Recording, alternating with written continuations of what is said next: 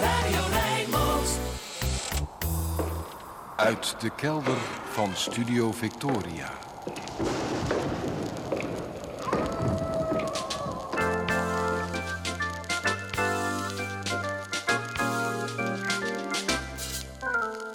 Archief Rijnmond.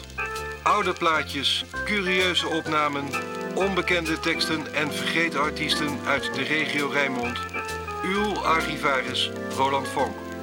met aflevering 907. Goedemorgen, goedemiddag, goedenavond. Afgelopen week heb ik mezelf lopen pijnigen met een lastige vraag.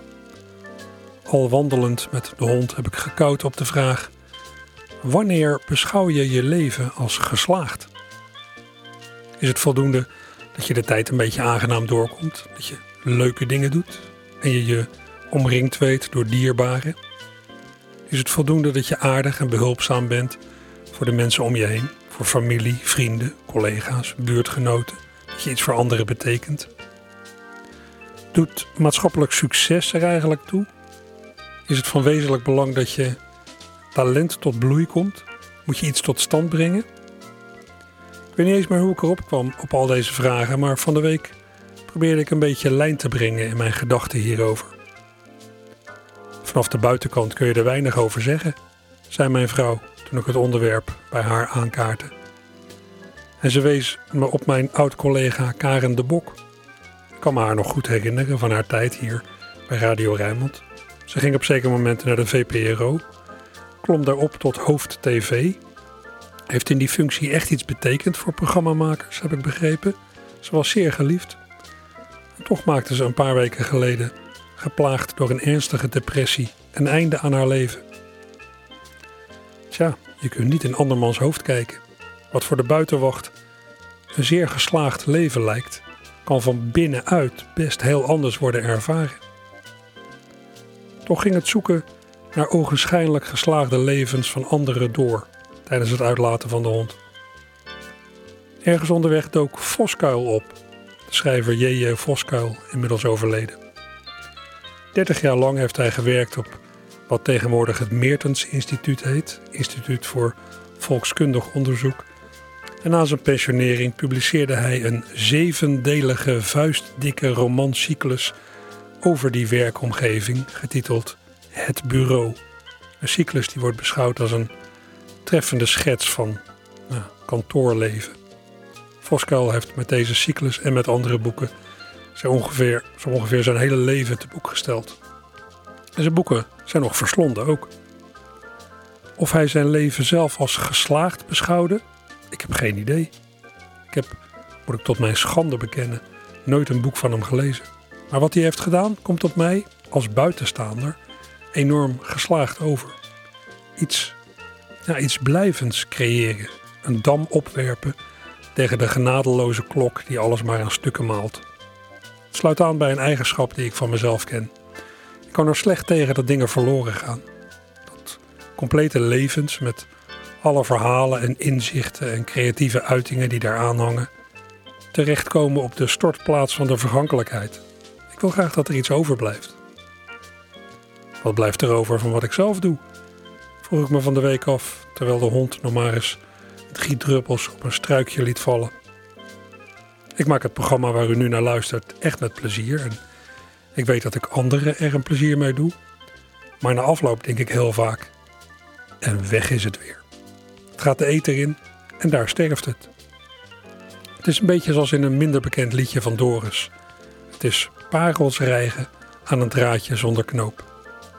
Ik zou zo langzamerhand eens iets blijvends moeten doen, dacht ik van de week. Met een tiende van Voskuil zou ik al tevreden zijn. En toen kreeg ik bezoek. Iemand van een uitgeverij.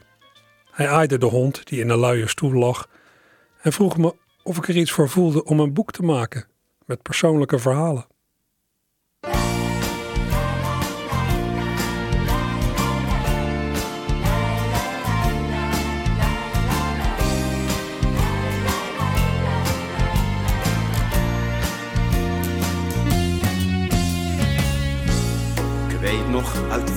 Jaren had had nog mijn wilde haren. Het leven zat vol met avonturen. Maakte me nooit geen zorgen over de dag van morgen. Dacht dat het leven eeuwig zou duren. Maar nu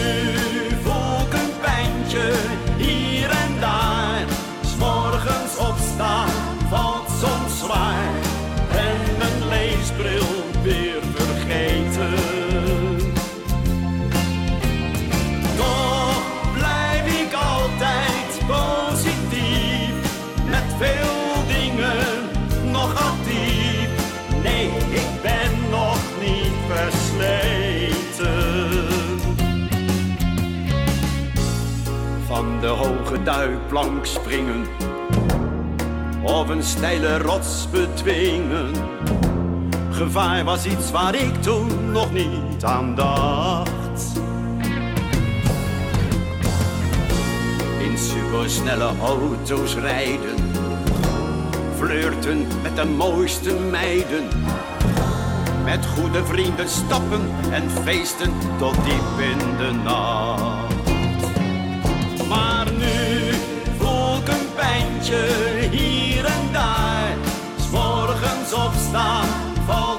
zwaar. Ben mijn leesbril weer vergeten.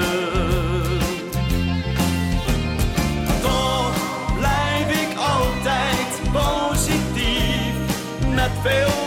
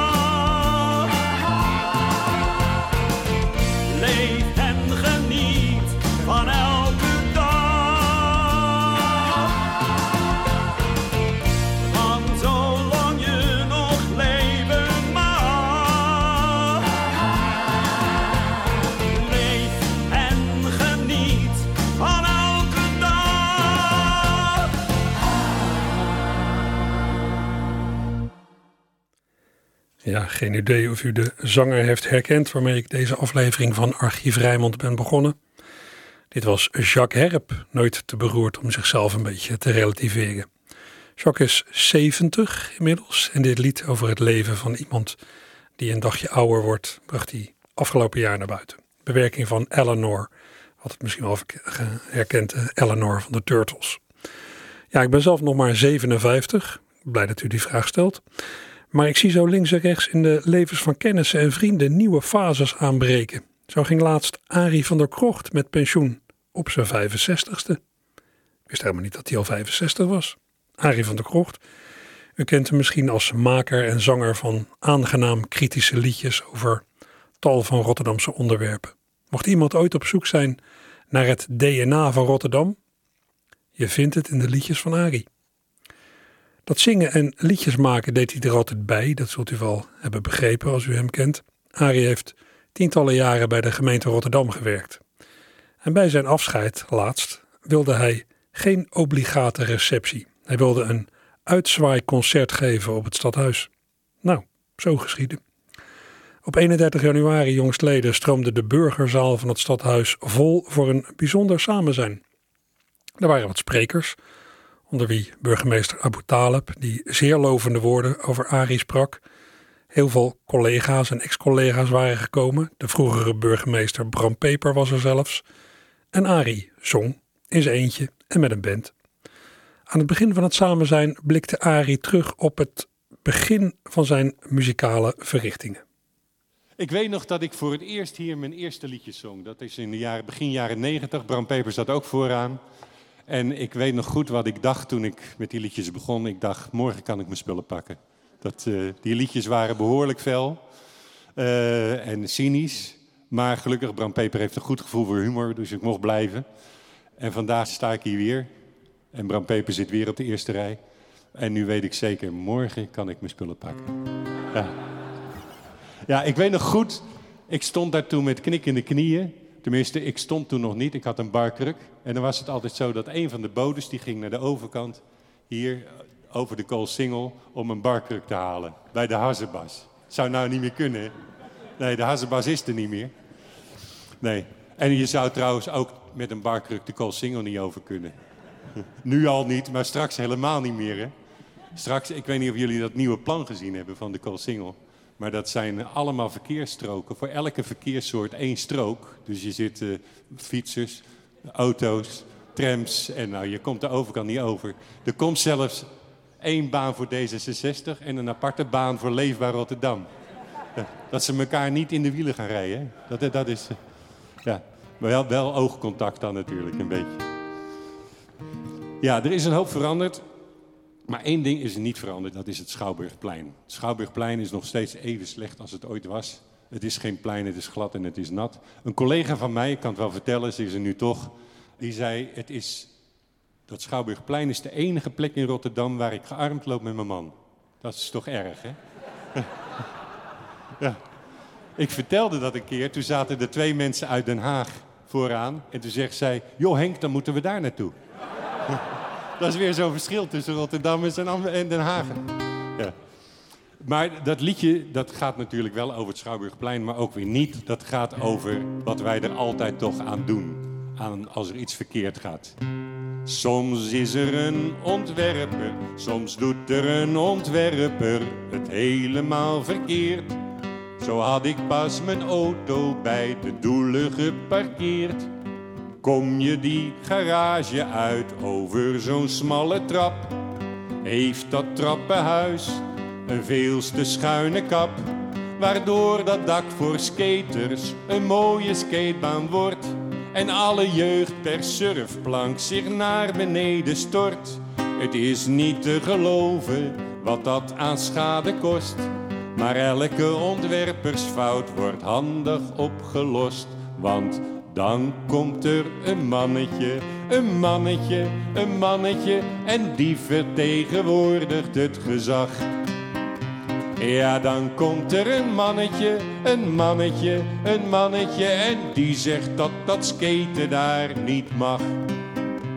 Dat plein is een soort podium dat iets wat hoger ligt. Dat is, zei die ontwerper, een veel mooier gezicht. Alleen voor invaliden is het een hele tour. Die gaan over een bruggetje naar die houten vloer. Dat bruggetje is hoger dan de Erasmusbrug. Voordat ze in het midden zijn, rollen ze weer terug. Het is niet te geloven en al die dommigheid. Die wordt weer mooi gecamoufleerd met werkgelegenheid. Want dan komt er een mannetje, een mannetje, een mannetje. En die heeft men ooit een melkertbaan beloofd. Ja, dan komt er een mannetje, een mannetje, een mannetje. En die duwt al die rolstoelen omhoog. Er ligt daar op dat doelenplein ook een epoxylaag. U denkt, wat is epoxy? Dat is een goede vraag. Ik heb het opgezocht, want ik wist niet wat het was, maar epoxy is de onderzijde van een regenplas. Als vloerbedekking voor een plein, dus helemaal verkeerd. Dat is geen doelenplein meer, dat is een doelenmeer. Het is daar qua ontwerp dus behoorlijk fout gegaan. Maar elke ontwerpersfout betekent weer een baan, want dan komt er een mannetje een mannetje, een mannetje, en die komt daar met een grote plastic tijl. Ja, dan komt er een mannetje, een mannetje, een mannetje, en dan worden al die plassen opgedwijld. Zo zie je maar in onze stad, daar gaat een hoop verkeerd. Er wordt hier dom ontworpen en dom geprogrammeerd. Ik zal nog een voorbeeld geven. Toen bij de opening, dat was zo saai, nog saaier dan een raadsvergadering. Maar dan komt er een mannetje, een mannetje, een mannetje. En die zingt dan een lied op zijn gitaar. Ja, dan komt er een mannetje, een mannetje, een mannetje. En die krijgt alle handen op mekaar. Dankjewel.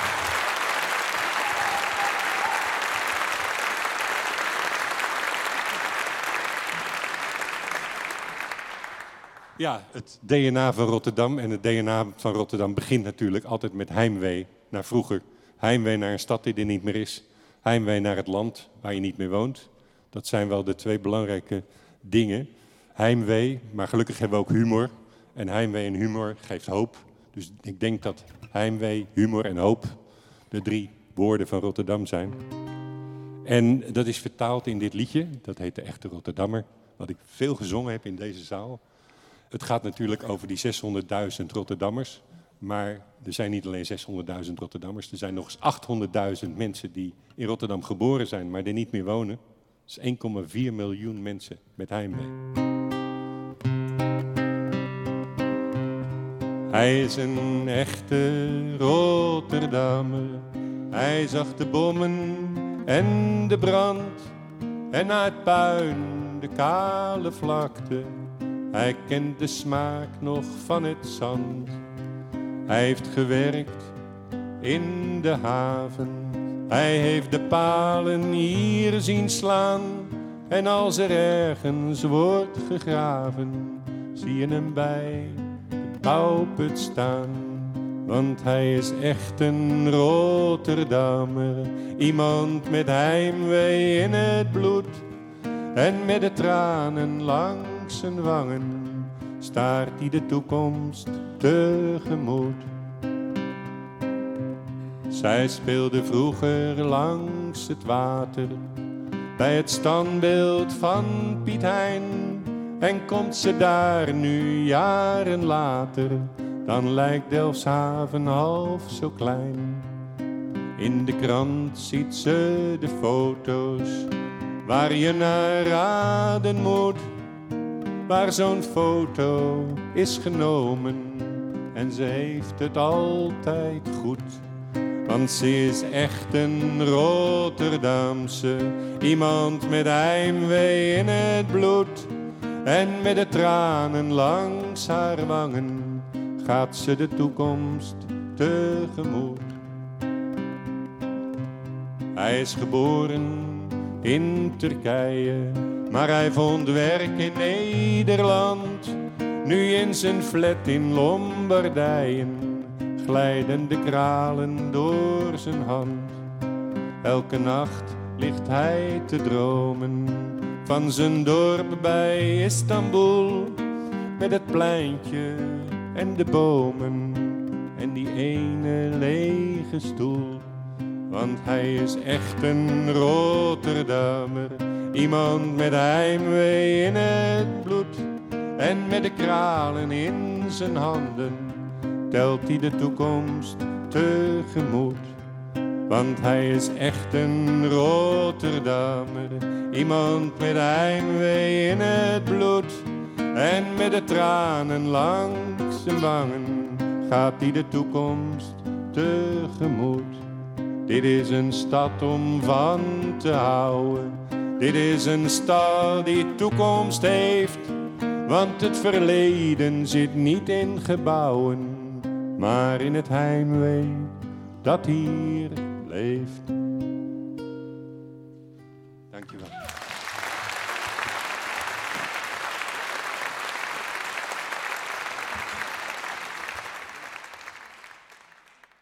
Twee fraaie liedjes van Arie van der Krocht, zoals hij ze zong bij zijn afscheid van de gemeente op 31 januari. Het lied Mannetje over het Schouwburgplein en het lied waarin hij het DNA van Rotterdam echt helemaal heeft getroffen wat mij betreft.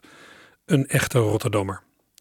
Ja, wat lang niet iedereen weet, Arie heeft zich in het kielzocht, kielzog van burgemeester Abu Taleb ingespannen voor het op de kaart zetten van de orgelzolders van de Breepleinkerk op Zuid. Misschien heeft u het verhaal wel eens gehoord. Op die orgelzolders, de zolders boven het orgel, hebben in de oorlog twee Joodse families ondergedoken gezeten, zes mensen in totaal, onder wie Rebecca Andriessen, die tijdens haar onderduik in de Breepleinkerk zelfs nog een kind heeft gekregen. Al die mensen die in de kerk ondergedoken zaten, hebben de bevrijding van 1945 heel huids gehaald. Abu Talib refereerde in zijn toespraak bij het afscheid van Ari nog aan de eerste keer dat hij die orgelzolder betrad en kennis maakte met de plek van dit bijzondere verhaal. Die orgelzolder van de Breepleinkerk trekt inmiddels aardig wat bezoekers. Er melden zich, ja, er melden zich complete schoolklassen, die dan soms worden toegesproken door Henk den Haan. Henk den Haan die is betrokken bij de Breepleinkerk, die er ook bij was toen de onderduikplekken uit de oorlog werden herontdekt. En die burgemeester Abu Talib vergezelde bij diens eerste bezoek aan de orgelzolder op een novemberdag, nu alweer jaren geleden.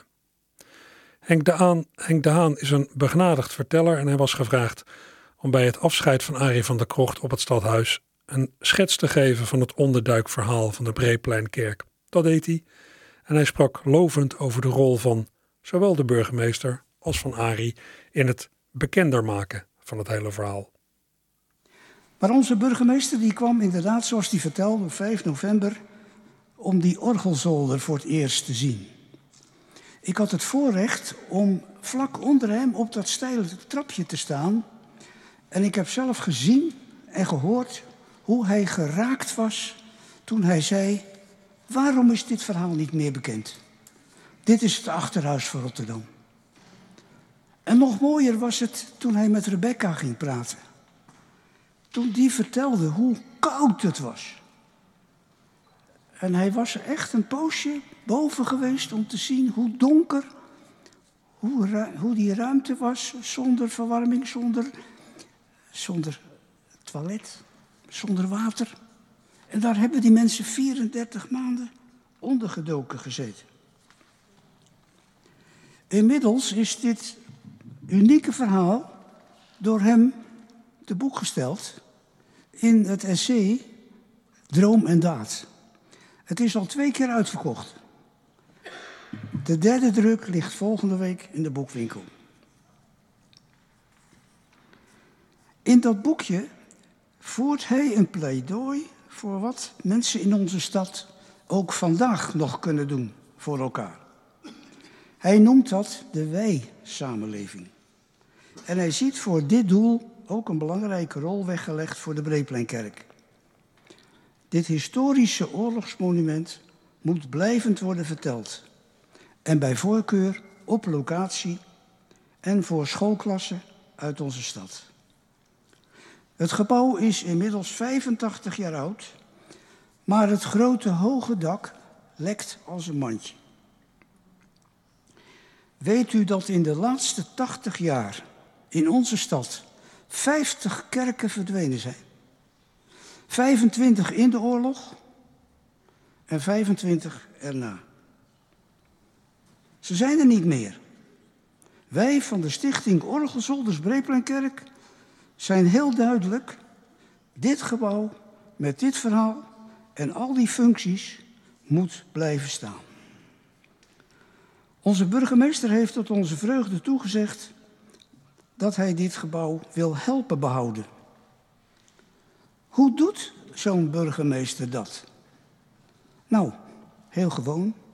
Dan komt er een mannetje. een mannetje Twee meter hoog. Maar hij staat zijn mannetje. En dan zult u allicht zeggen, hij gaat toch weg? Nou, dan komt er weer een mannetje. En die zit daar. Die heet Duco. Geweldig, deze ambitie vanuit dit stadhuis voor onze toekomst. Onze Breepleinkerk is niet een stapel stenen. Gebouwen zijn vaak niet een stapel stenen.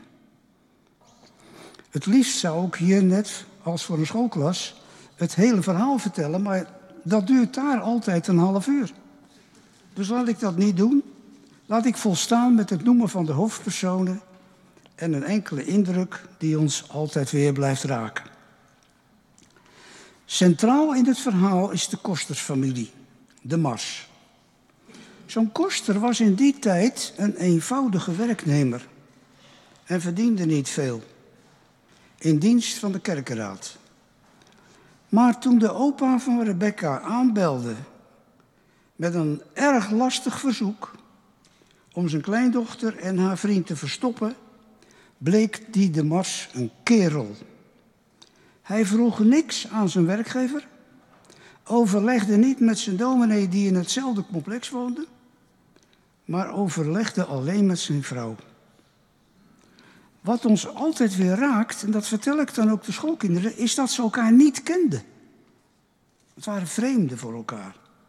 En toch waagden ze hun leven. Met de grootst mogelijke bewondering noem ik altijd Annie, de dochter van de koster.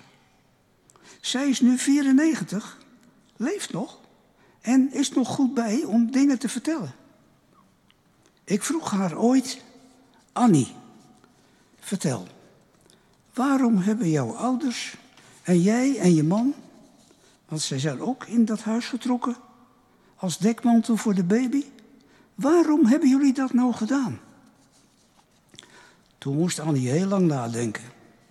En ze zei, ach, dat doe je toch als het op je weg komt? Ik vind dat een echt Rotterdams antwoord.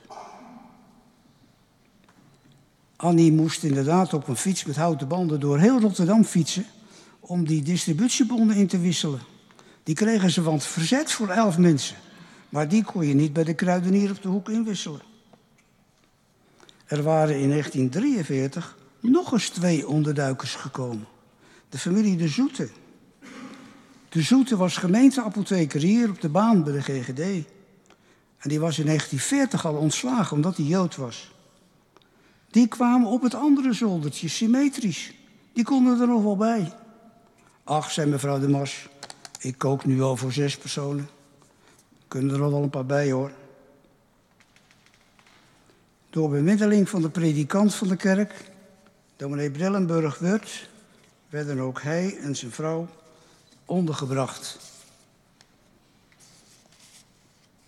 Wat ik zo bijzonder vind, is dat door deze predikant geen moeite is gedaan om de Joodse mensen te bekeren of te dopen.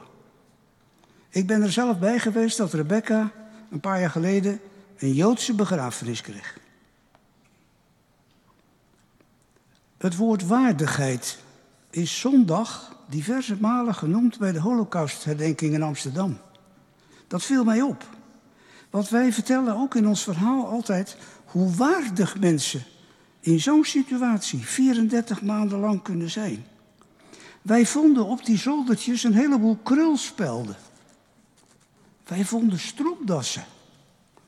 Nou, als ik morgen ga onderduiken, neem ik geen stropdas mee. Maar vergeet niet dat daarboven elke vrijdag een vrijdagmiddaggebed werd gebeden. En een kaars ontstoken. Op Shabbat moet je er netjes uitzien, toch? Zodoende heeft de structuur van hun geloof hen ook door die lange donkere oorlogsjaren heen geholpen. Ik zou verder het hele verhaal willen vertellen, maar onze, onze gidsen Anja en Talita doen dat alweer jaren voor de schoolklassen op Zuid en in de stad. Vorig jaar zijn er iets meer dan duizend leerlingen geweest die het trapje hebben beklommen. Wie ik nog wel met groot respect wil noemen is de naam van dokter Leslie, de oogarts die de bevalling heeft gedaan. De huisarts durfde niet. Hij wel. Op dit moment wordt de laatste hand gelegd aan weer een nieuw boek. De Rotterdamse orgelzolders van Anja Matser, een van onze gidsen. Daarin wordt het verhaal nog eens helemaal uit de doeken gedaan. Aan de hand vooral van ook wat we de laatste jaren nog hebben gehoord. Want u moest eens weten hoe vaak wij nog weer dingen horen. Kijk, en dan moeten wij wel checken. Want na de Dolle Dinsdag heeft iedereen in het verzet gezeten.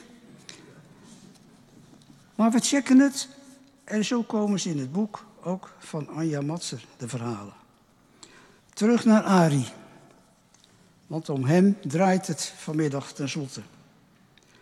Heel hartelijk dank voor je steun in de laatste jaren. Ari, het gaat je goed in de rest van je leven met wie je lief zijn.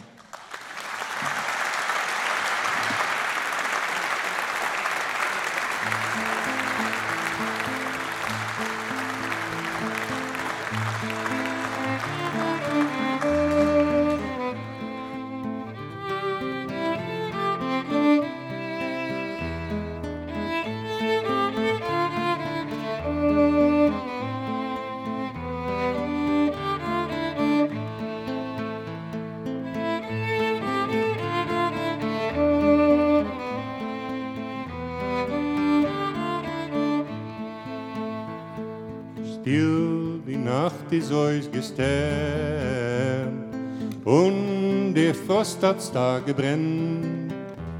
Sie gedenkst du, wie ich hab dich gelernt, all das Feier in die Hände. Sie gedenkst du, wie ich hab dich gelernt, all das Feier in die Hände. Een mooi, het pelzel und de beret und halt in hand fest an der Gan. Een mooi, mit zusammen den Emponim, id op den Säunes Karawan. Een mooi, mit zusammen den Emponim, id op den Säunes Karawan.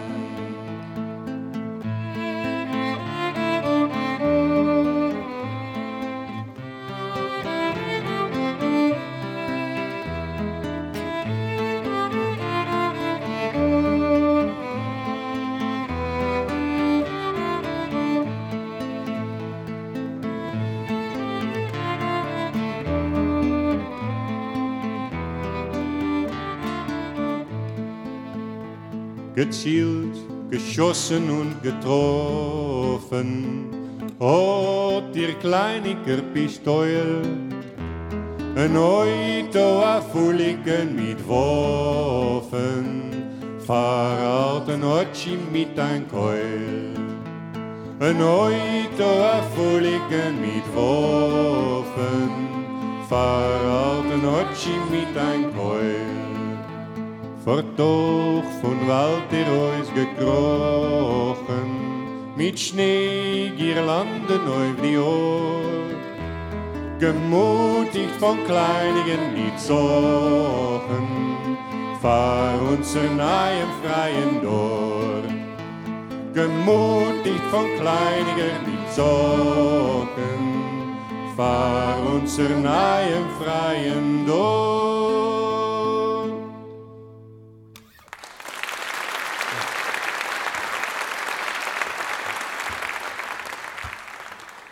Het Joodse lied Stil die Nacht, gebracht door Arie van der Krocht samen met Iris van der Lee en Rosamond Zichterman, de laatste op viool. Mooi lied.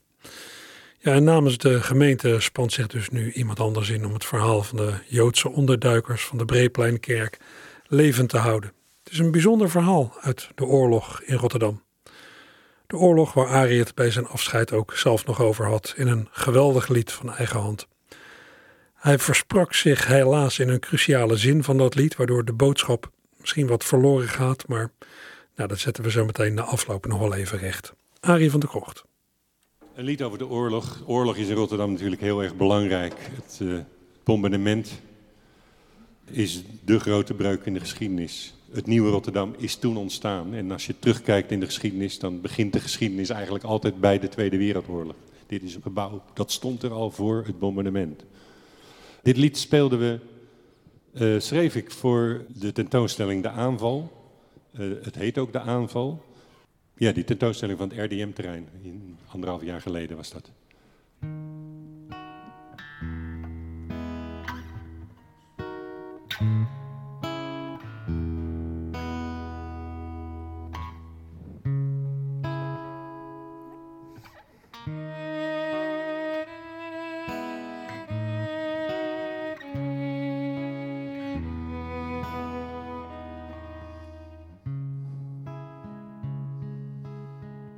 Lucht is blauw, de wolken zijn nog wit. En onder elke wolk een zwarte stip. Je hoort de heinkels, ze komen dichterbij. Je kunt niet meer dan bang zijn. Een watervliegtuig landt op de rivier. In elke rubberboot een man of vier. Ze gaan aan wal en winnen snel terrein. Je kunt niet meer dan bang zijn. Er hangen zwarte wolken boven Rotterdam. We zien de vuurzee op de Statendam.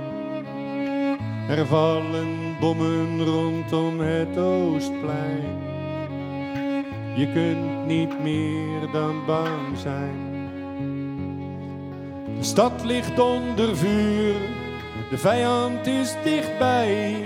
We weten dat de dagen zijn geteld.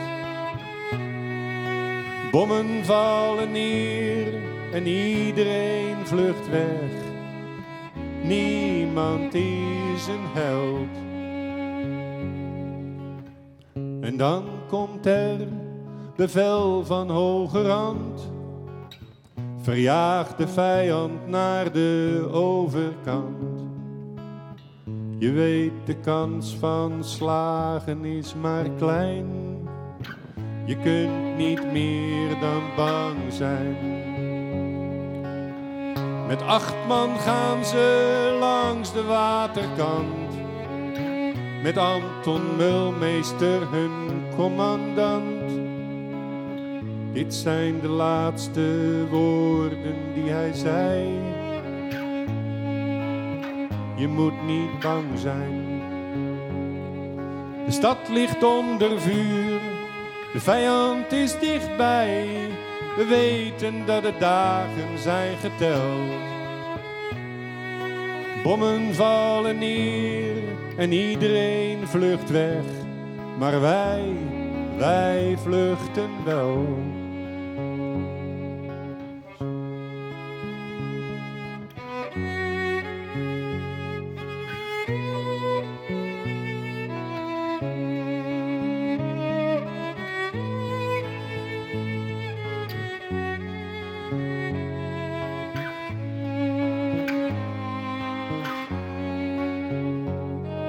Stad ligt onder vuur, de vijand is dichtbij.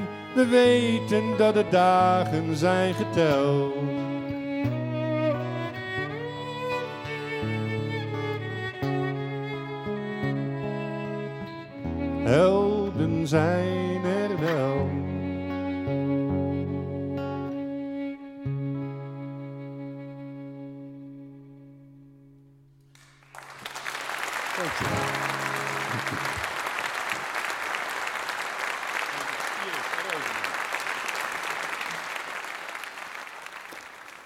Arie van der Krocht, Iris van der Lee en Rosemond Zichterman met het prachtige lied De Aanval over het bombardement op Rotterdam van 14 mei 1940. Ja, en Arie vergiste zich dus wel even in zijn eigen tekst. Hij zong over de mensen die de stad verdedigden. En wij, wij vluchten wel, dat moest natuurlijk zijn wij, wij vechten wel. Nou ja, hij heeft er alles een eh, studio-opname van gemaakt met de goede tekst. Maar ik wilde u de sfeer van deze uitvoering niet onthouden. De sfeer ja, van deze uitvoering bij het afscheid van Arie als ambtenaar van de gemeente Rotterdam. Arie heeft zich trouwens in de loop der jaren niet beperkt tot losse liedjes. Hij heeft ook een paar ja, themaprogramma's gemaakt. Bijvoorbeeld eentje over kunstenaar Wally Elenbaas. En binnenkort staat hij, ja, gepensioneerd en wel, op de planken met weer een heel programma. Maar nou, laat hij het zelf maar vertellen. Een beetje reclame maken kan geen kwaad, denk ik. Het is al meer gedaan, maar op 26 maart spelen Iris en ik een voorstelling. Dat heet Motherland. En dat doen we op de SS Rotterdam in het grote theater daar. Vlaggenschip van de Holland-Amerika-lijn. Kijk maar op de website arievandekrocht.nl, dan zie je daar meer. We praten daar en we zingen daar over landverhuizers die van Rotterdam naar Amerika gingen. En eh, daar doen we ook één Americana. We doen meer mee Americana's, maar ook dit nummer. En dat heet Oh Sweet Caroline. En dat is van Ryan Adams. Ja.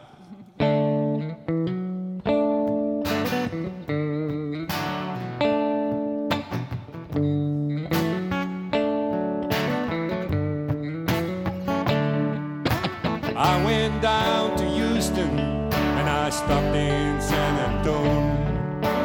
I passed up the station for. Was trying to find me something, but I wasn't sure just what. Man, I ended up with buckets full of dust. So I went on to Cleveland and I ended up insane. But I borrowed suit and learned to dance. I was spending money like the wind likes to rain. Man, I ended up with pockets full of cane. Oh, my sweet Carolina, what compels me to go? Oh, my sweet disposition,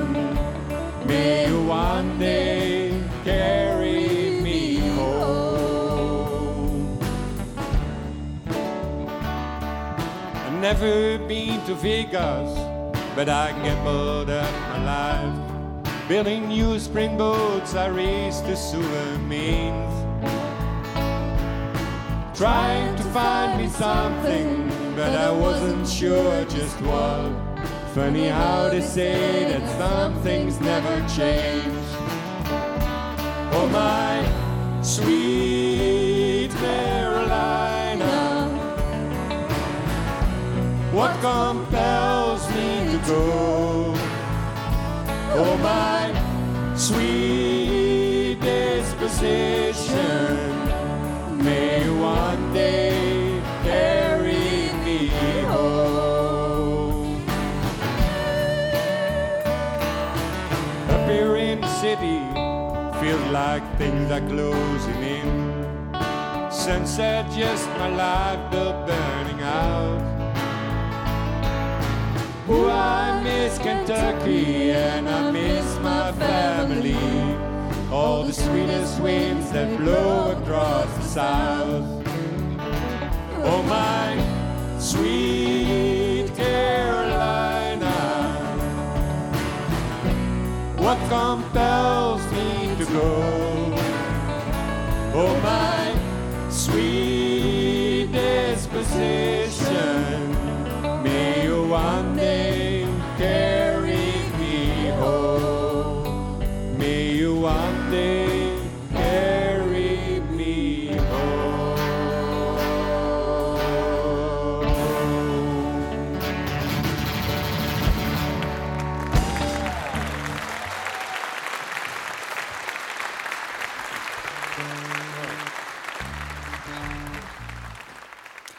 Arie van der Krocht, Iris van der Lee en allemaal muziekmakende collega's van de gemeente Rotterdam. Aardig.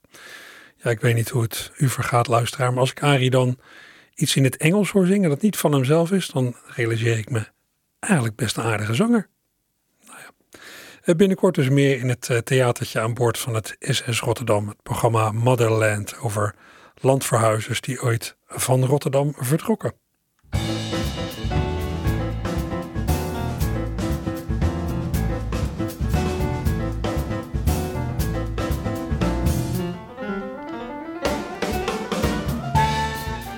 Ja, dan nog wat tips voor waar u vanmiddag, zondagmiddag naartoe kunt.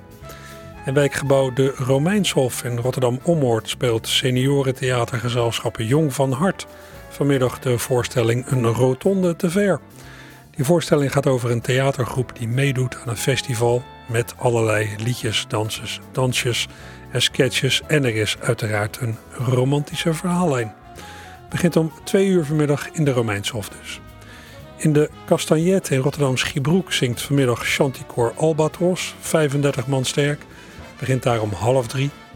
In het Witte Paard aan de Groene Zoom in Rotterdam-Vreewijk wordt, eh, worden vanmiddag nog een keer de vioolmonologen opgevoerd. Een voorstelling over afgedankte violen. Zangeres Annelies Prins was geschokt toen ze een keer een viool bij het vuilnis ontdekte. Ze deed een oproep in een dagblad om vooral je instrument niet weg te gooien, maar dan maar daar naar haar te brengen. Nou, binnen een week had ze meer dan 40 violen, 40 instrumenten, met elk een eigen verhaal. Er zaten ook heel indringende verhalen bij. Nou, de belevenissen van die violen, al die verhalen, werden de vioolmonologen.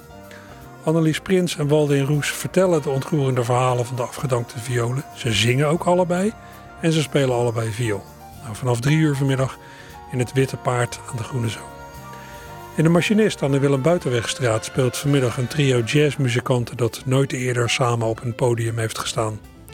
Pianist Rogier Telderman, trompetist Teus Nobel en contrabassist Jasper Somsen voor ingewijden in de jazz geen onbekende namen. Ze beleven met het publiek een primeur vanaf drie uur vanmiddag in de Machinist, entree gratis. Even verderop in Podiumcafé Grounds aan diezelfde Willem Buitenwegstraat is ook vanaf drie uur een presentatie van Jong Talent door de Zangschool Rotterdam. Vanaf drie uur is er ook weer een orgelbespeling in de Laurenskerk. Organist Hans-Jurg Albrecht speelt Tchaikovsky en Mussorgsky, entree gratis. In de grote zaal van Theater Zuidplein klinkt vanmiddag Indiaanse muziek tijdens een vrij vroeg Valentijnsconcert van het Avishkar Orchestra onder leiding van Ronnie Bikari. Bij het orkest treden verschillende zangers aan, onder wie de uit India overgekomen Saknik Sen. Begint om drie uur vanmiddag in de grote zaal van Theater Zuidplein. In FC Walhalla op Katendrecht is vanmiddag weer tussen kunst en kids met Joris Luts, een soort de wereld draait door voor iedereen vanaf 8 jaar. Praten, spelen, koken, lachen, muziek maken. Het gebeurt allemaal. En de toegang is gratis. Begint om 3 uur vanmiddag. En tot slot, vanaf 5 uur vanmiddag kunt u in de Rotterdamse Schouwburg terecht voor de 13e uh, Nederlandse kampioenschappen Turks volksdansen. Lijkt me heel bijzonder. Nou, genoeg te doen vanmiddag.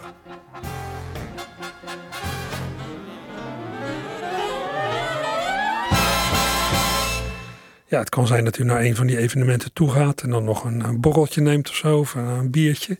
Ja, daarna kun je niet achter het stuur kruipen om met de auto naar huis te gaan. Dan rijst natuurlijk de vraag: wie is hier de Bob?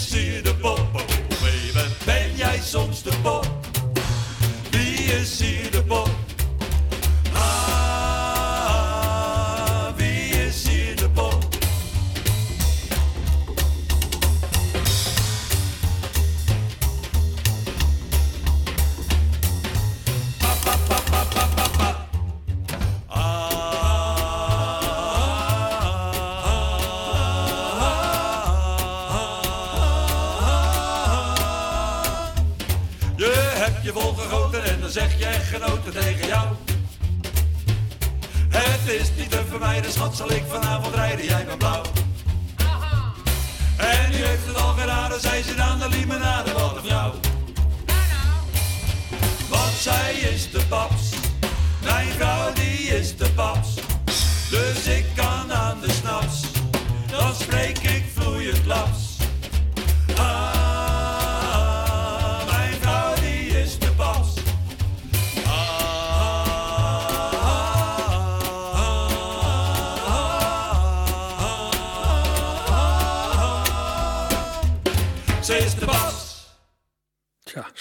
Van het Rotterdamse trio Naar de Haaien. Naar de Haaien, Herman Douw, Theo Kuipers en Adrie Holhorst. Ze brachten een cover van Ed de Hop, dat u nog kent van heel lang geleden. Er zat ook wel een slimmigheidje in, moet ik zeggen. Uh, ja, de Bob, dat is natuurlijk een mannelijke naam. En wat is de, de vrouwelijke versie daarvan? De Babs. Nou, aardig gedaan. Het eh, trio Naar de Haaien doet geregeld mee aan het rondje Rotterdam. Uh, bustocht Rotterdam langs allerlei plekken. Onder leiding van uh, Sjoerd Plezier alias Simon Stokvis. Dit was de laatste muziek in Archief Rijnmond voor vandaag. De sport neemt het zometeen over. Veel plezier daarmee volgende week verder.